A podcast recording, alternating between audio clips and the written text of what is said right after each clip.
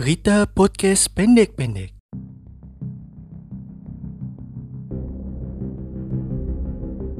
Pasangan ganda putri asal Indonesia, Gracia Poli dan Apriani Rahayu berhasil meraih medali emas Olimpiade Tokyo 2020 cabang olahraga bulu tangkis setelah mengalahkan pasangan ganda putri asal Tiongkok, Chen Xingchen dan Chia Yifan dengan skor 21-19 dan 21-15.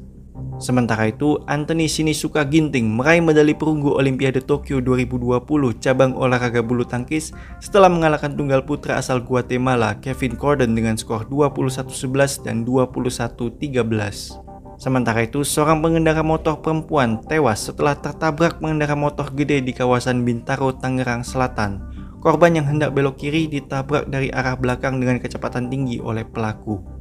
Sementara itu, kebakaran yang melanda pabrik jamur di Kampung Simpenan RT 02 RW 12 Desa Cilacap, Kecamatan Simpenan, Kabupaten Sukabumi diduga akibat korsleting listrik dari instalasi jaringan pabrik. Tidak ada korban jiwa dalam peristiwa ini dan kerugian material ditaksir sekitar 15 juta rupiah. Sementara itu, seorang pria berusia 45 tahun mendatangi kantor polisi Mangolpuri di Delhi, India dengan membawa pisau bersimbah darah dan mengaku telah membunuh istrinya setelah keduanya terlibat perkelahian. Sekian berita podcast pendek-pendek kali ini.